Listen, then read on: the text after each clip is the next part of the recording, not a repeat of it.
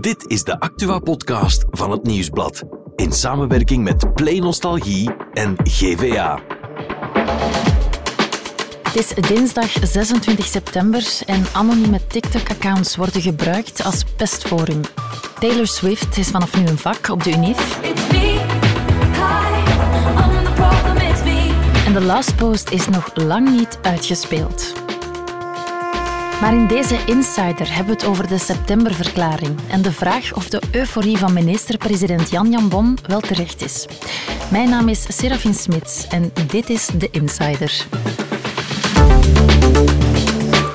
Wel, ik denk dat we uh, fors investeren daar waar de maatschappelijke uitdagingen liggen. En dat we dat toch doen met het in het achterhoofd houden een begroting die in evenwicht gaat naar 2027. Dat traject ligt al drie jaar vast. Daar wijken we niet van af. En toch tegelijkertijd het geld, veel geld te laten gaan naar de kinderopvang, veel geld te laten gaan naar het lerarentekort, de jobbonus, dus wat werken, mm zeker voor de laagste lonen, nog aantrekkelijker maken. Ik denk dat dat een aantal maatschappelijke uh, uitdagingen zijn waar we effectief uh, opnieuw beslissingen in ja, moesten nemen.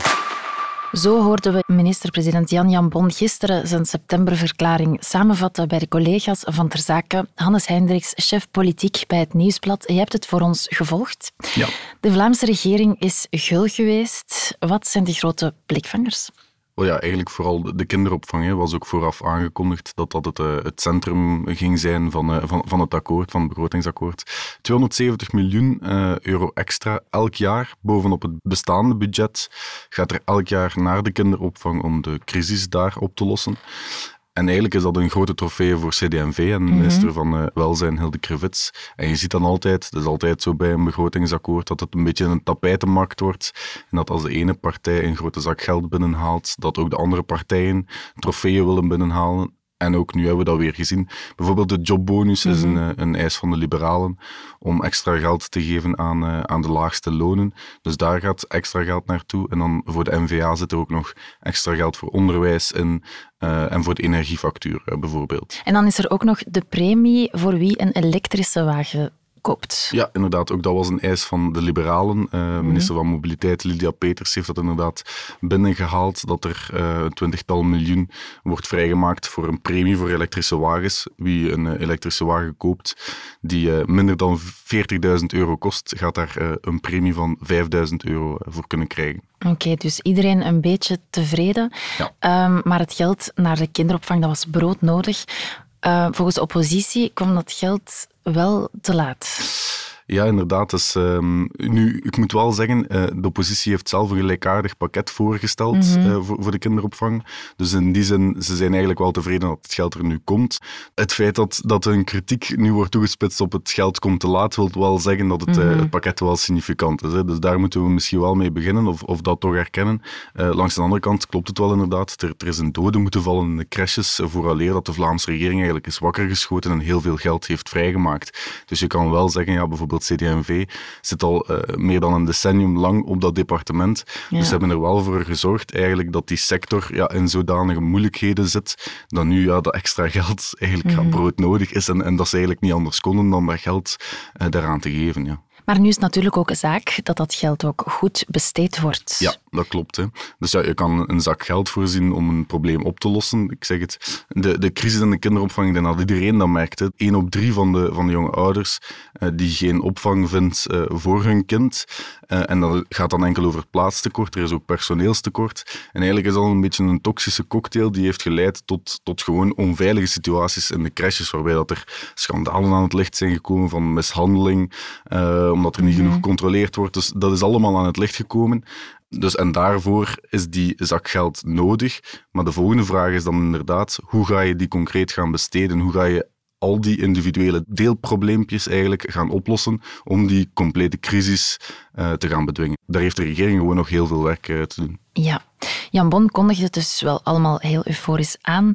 Daar komen we straks nog op terug. Maar er was nog een opvallende aanwezige, want het was ook de eerste schooldag van Sihem El Kawakibi. Vlaams parlement, Sjoekes. Ja, ja, het is zover. Eigenlijk wel zin in. Een beetje natuurlijk wat, wat stress en wat zenuwen, maar gezonde kriebels. Uh, het is tijd. Ik heb er zin in, ben aangesterkt en kijk er gewoon echt naar uit. Dat fragment heeft ze zelf gisteren op haar Instagram stories gepost. Ze klinkt alleszins heel happy, maar ik heb gisteren wel beelden gezien waarin ze een beetje alleen in een hoekje zat. Ja, ik was er zelf niet uh, gisteren, maar enkele collega's hebben haar wel uh, een beetje in de gaten gehouden. En die zeiden mij toch dat ze niet zo heel happy was als ze binnenwandelde. Het was eerder een beetje schuchter. Mhm. ja, ik denk ook ja, dat het niet anders kon, want ze wordt een beetje verguisd door andere politici, ook genegeerd. Er is niemand uh, in het parlement haar nog een hand wil geven. Ik zag zelfs dat Vlaams Belang een uh, pamflet mee had uh, waarin ze werd afgebeeld. Dus ja, ik denk niet dat het een, een super plezante werkdag voor haar is geweest. ik zag ook Philippe de Winter, Vlaams Belang parlementslid, Mhm. was even, even parlementsvoorzitter, omdat hij de oudste is in, in het parlement. Um, die um, zei dat uh, Siam El Kawakibi afwezig was. het was een soort mopje. En dan zei hij, ah ja, nee, ze is er toch blijkbaar. Ook de camera was continu op haar gericht. Dus uh, ja, het moet voor haar ook wel een, een beetje een vreemde ervaring geweest zijn. Mm. En wat gaat zij daar nog proberen bereiken, daar in het Vlaams parlement? Well, ja, ze zegt zelf op haar social media dat ze uh, vragen wil meenemen van, ja, ik denk dan haar volgers, mensen die haar wel nog steunen, om die voor te leggen in het parlement. Mm -hmm. Ja, dat is toch een beetje een, een raar signaal, denk ik, want ja, ze zit in het uh, parlement een wetgevende functie. Ik denk niet dat ze nog heel veel wetten gaat meeschrijven of uh, amendementen gaan indienen. Uh, ze heeft dat ja, de voorbije jaren trouwens ook niet gedaan. dus ik denk dat ze ja, vooral dat forum zal gebruiken om haar stem nog eens te laten horen Mhm. mm -hmm. en een aantal signalen mee te geven aan, aan de bevolking en aan haar volgers. Want Mhm. mm -hmm. daar zal het dan ook eindigen. Oké. Okay. En daarom en nu ga ik naar de concrete maatregelen. Pompen we vanaf volgend jaar maar liefst 270 miljoen extra in de kinderopvang. 270 miljoen extra ieder jaar opnieuw. Deze Vlaamse regering heeft de budgetten voor de kinderopvang meer dan verdubbeld. Met een grote smile deed hij gisteren zijn aankondigingen. Een zichtbaar voldane Jan Bon, maar was dat wel terecht? Wel, ik denk dat ze heel content mogen zijn met het uh, pakket dat is uitgetrokken voor, voor de kinderopvang. Uh, dat daar een euforie misschien, misschien inderdaad Mhm. wel terecht is. En tegelijk denk ik niet dat het het uh, grote visionaire akkoord is, uh, dat het uh, het elan van, van de Vlaamse regering eigenlijk helemaal recht trekt. Eén, we hebben het er al Mhm. over gehad, voor de kinderopvang moet het geld nog goed besteed worden. Uh, maar twee, ja, bijvoorbeeld uh, de, de, de besparingen. Het is niet dat daar heel grote toekomstgerichte maatregelen zijn genomen. Uh, ik denk dat Jan Bon vooral heel content is dat hij zonder al te veel geruzie een Mhm. akkoord heeft kunnen voorstellen. Ja, dat is toch wel een heel contrast bijvoorbeeld met vorig jaar. Het is waarschijnlijk zijn laatste septemberverklaring ook geweest. Hebben andere partijen hem misschien een beetje zijn laatste moment de gloire gegund? Wel, ik hoor dat ze achter de schermen eigenlijk ook wel daar um, afspraken hebben rondgemaakt. Want Ja, ook ja. nu had de CD&V uh, een heel harde eis voor de kinderopvang op tafel gelegd. Het deed denken aan vorig jaar, toen hadden ze ook een harde Mhm. eis uh, rond de kinderbijslag, waardoor Jan Bon zijn septemberverklaring eigenlijk een, een aantal dagen moest uitstellen. En iedereen um, sprak dan over de keizer die eigenlijk zonder kleren naar het parlement Mhm. kwam. Uh, je had nu achter de schermen met Hilde Krevits, de bevoegde minister, afgesproken, ja, we gaan niet naar hetzelfde scenario als, als vorig jaar gaan. Dus ik wil echt wel eendrachtig met die regering daar mijn septemberverklaring uh, kunnen komen voorstellen. En waarom doen ze dat, die afspraken maken? Wel ja, zoals je zelf zei, ik denk dat uh, inderdaad wel de laatste septemberverklaring van Jan Jan Bon is. Er zijn uh, verkiezingen binnen een aantal maanden, uh, zoals iedereen weet. Ik denk dat Jan Bon nu het beeld wil schetsen van een, een, Vlaamse regering die wel kan samenwerken. Hij zegt dat eigenlijk ook met zoveel woorden, in tegenstelling tot de federale Vivaldi-regering. Mhm. dus vandaar die afspraak met de andere partijen van, kijk, we gaan dit begrotingsakkoord maken. We komen daarmee naar het parlement. Iedereen gaat applaudisseren, zoals ze zelf Mhm. hebben kunnen hebben kunnen horen. Er zijn investeringen. Dus hij, hij creëert eigenlijk een soort hoera-sfeertje rond, de, Ja. rond zijn regering. Misschien ook omdat hij zelf weet dat het uh, straks waarschijnlijk afgelopen is voor hem als, uh, als minister-president. En dan kan hij mooi afronden, want Jan Jan Bon die lijkt afgeschreven binnen de N-VA. Hè? Wel ja, inderdaad. Um, als je eh, binnen NVA rondhoort, dan zijn er toch een aantal mensen die zeggen ja, de, de Vlaamse regering is, is echt de kern van een NVA. Hè. Dus Mhm. zij, wil, zij staan voor Vlaams zelfbestuur. Dus ze moeten continu bewijzen dat die Vlaamse regering het beter doet dan, dan andere regeringen. Ja. Ja, en als je dan merkt, uh, de voorbije jaren uh, is het toch niet altijd even, uh, even goed gegaan binnen die Vlaamse regering. Zijn er tegenstellingen eigenlijk binnen NVA, CD&V, continu naar boven gekomen. Ehm, waardoor ja, Jan Jan Bon eigenlijk het, het, ja, zijn parcours een beetje is onder, ondergesneeuwd geraakt. Uh, is eigenlijk door, politieke, uh, door politiek spel eigenlijk een beetje kapot gemaakt, uh, zijn mhm. regering.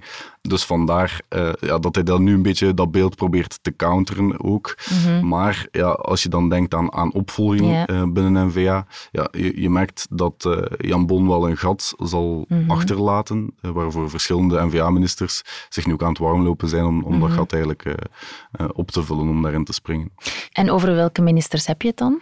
Wel, um, Bart de Wever, de NVA-voorzitter, heeft zelf al een aantal namen uh, gelanceerd eigenlijk. Um, Zoal Demir werd een aantal keer al, al genoemd. Maar in de laatste interviews heeft Bart de Wever eigenlijk vooral gekeken naar, naar Matthias Diependalen, de minister van Begroting, mhm. die nu ook redelijk veel aandacht krijgt, omdat het uiteraard over, over begroting gaat.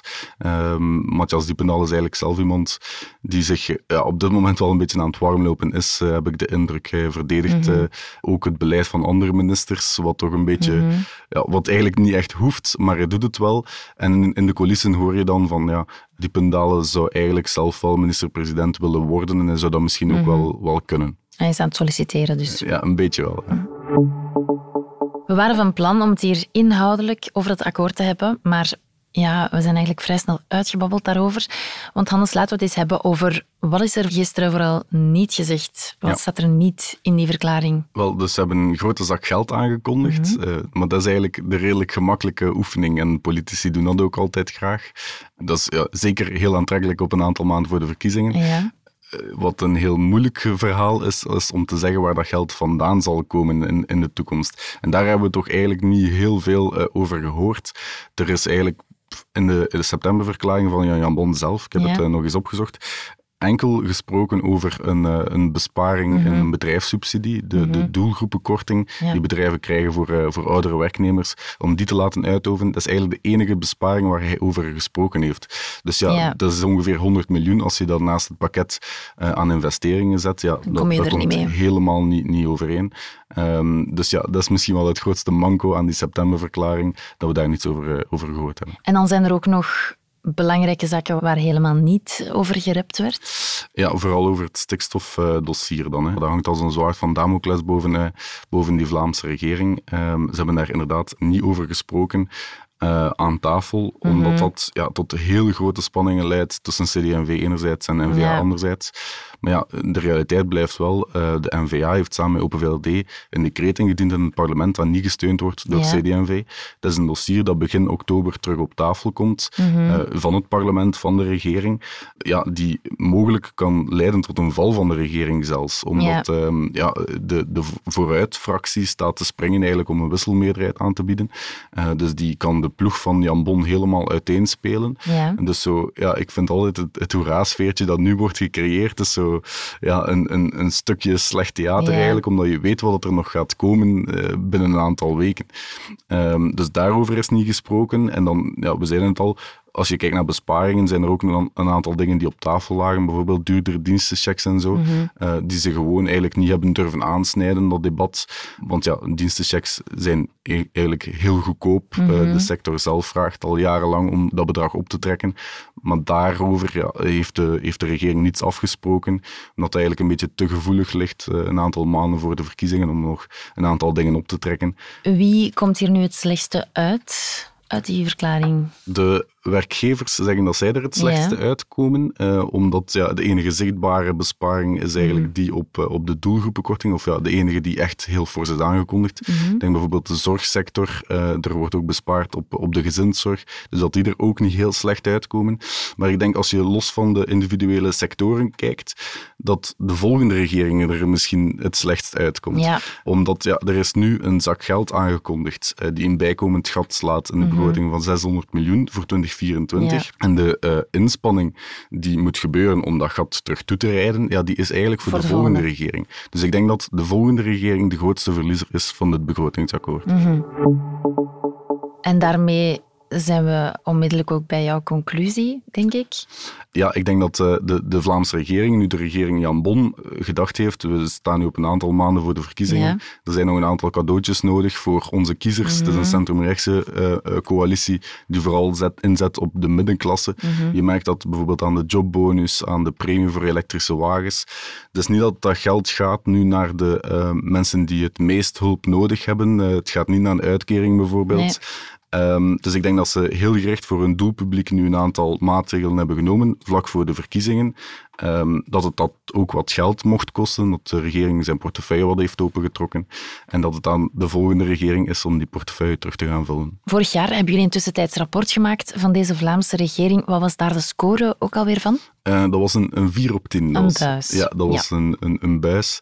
Onze voornaamste kritiek toen was eigenlijk dat de regering er niet in geslaagd is om grote hervormingen door te voeren, om visionair beleid te gaan voeren waarin je zegt, Mhm. kijk, binnen tien jaar willen we als Vlaanderen zijnde daar staan op een aantal thema's. Eh, bijvoorbeeld ja, over zorg, eh, welzijn, maar ook onderwijs bijvoorbeeld. Mhm. Ehm, en ik denk niet dat onze score, mochten we vandaag Ja. rapport maken, dat die veranderd eh, zou zijn. Nog altijd is- gebuist. Ja, inderdaad. Dus als je een zak geld vrijmaakt, dan moet je ook heel gericht kunnen zeggen waar die naartoe gaat gaan. Dat zijn Ja. hervormingen. Ja, de zak geld vrijmaken is eigenlijk het makkelijke werk. Oké, dankjewel Hannes om dat eventjes te komen uitleggen. Graag gedaan. En voor het andere nieuws is onze producer Nathalie erbij komen zitten. Dag Nathalie. Dag Serafine. Pesters hebben een nieuwe manier gevonden blijkbaar om slachtoffers te maken. Ja, en dat heeft met Gossip Girl te maken, de serie die eh, terug te zien is op Netflix. En Mhm.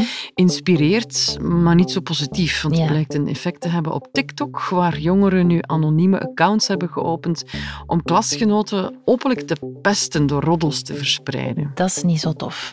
Dat is helemaal niet zo tof. En experts cyberpesten waarschuwen voor die trend, want publiekelijk belachelijk gemaakt worden en publiekelijk maken van persoonlijke informatie, want dat doen ze, Ja. dat wordt gezien en ook vooral gevoeld als de hardste manier van pesten. Komt er een reactie van scholen? Ja, sommige scholen hebben een aantal van die accounts al kunnen verwijderen, maar dat is moeilijk. Ze zijn moeilijk te traceren, net omwille van de anonimiteit. En dan gaan we van de middelbare scholen naar de UNIF. Want de literatuurstudenten die dit jaar aan de UGent zijn gestart, die krijgen een bijzondere invulling van het vak. Hè? Ja, ze zijn er helemaal mee met hun tijd. Want nieuw dit academiejaar, het keuzevak Literature Taylor's Version. Dat is een literatuurstudie van de songs van popster Taylor Swift. Dat is iets voor pubers, zou je denken. Hè? Dat zou je durven denken, maar blijkbaar dus ook vooral wat opgeschoten pubers. Want het is een populair vak. Normaal schrijven zich 30 mensen ervoor in en nu zijn er 61 Swifties, zoals de fans Ja. het noemen, toch al ingeschreven voor dat vak. Ja, en is, is dat eigenlijk wel een echt vak? Het is absoluut een vak. Ja, onderschat de literaire kwaliteiten van Taylor Swift niet, want haar werk zit vol referenties naar grote klassiekers. Bijvoorbeeld? Bijvoorbeeld, Ja. Weet je wat, Ehm Serafine, misschien moet je het vak gaan volgen. Dat zal, eh, zal ongetwijfeld een zeer, zeer boeiende studie zijn. Ja.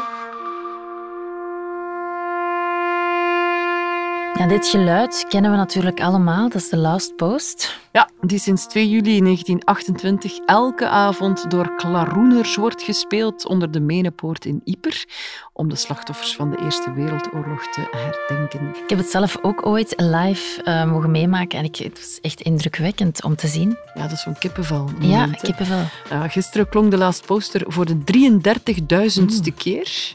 Dat is bijna op eh 100 jaar, hè, sinds 1928. Maar ze gaan ermee door blijven gaan daar in Ieper, want het is in de statuten vastgelegd dat ze tot in de eeuwigheid gaan blijven blazen. Ja. En als ze het één keer willen gedaan hebben voor elk van de 54.585 namen op het gedenkteken, dan zijn ze alvast goed tot 2090. Wauw. Ik weet niet van welk jaar jij bent, Serafine. 1995. Ja, ik ga het niet meer meemaken, die 2090, maar ja, Ik jij misschien, wel. hè? wel. Oh, oh, rolstoel, wat? Dankjewel, Nathalie. Morgen zijn we opnieuw met een nieuwe Insider.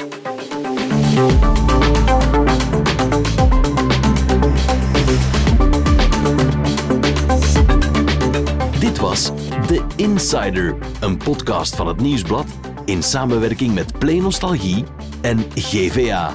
De muziek is van Pieter Santens. De montage gebeurde door House of Media. Wil je reageren? Mail naar podcast.nieuwsblad.be.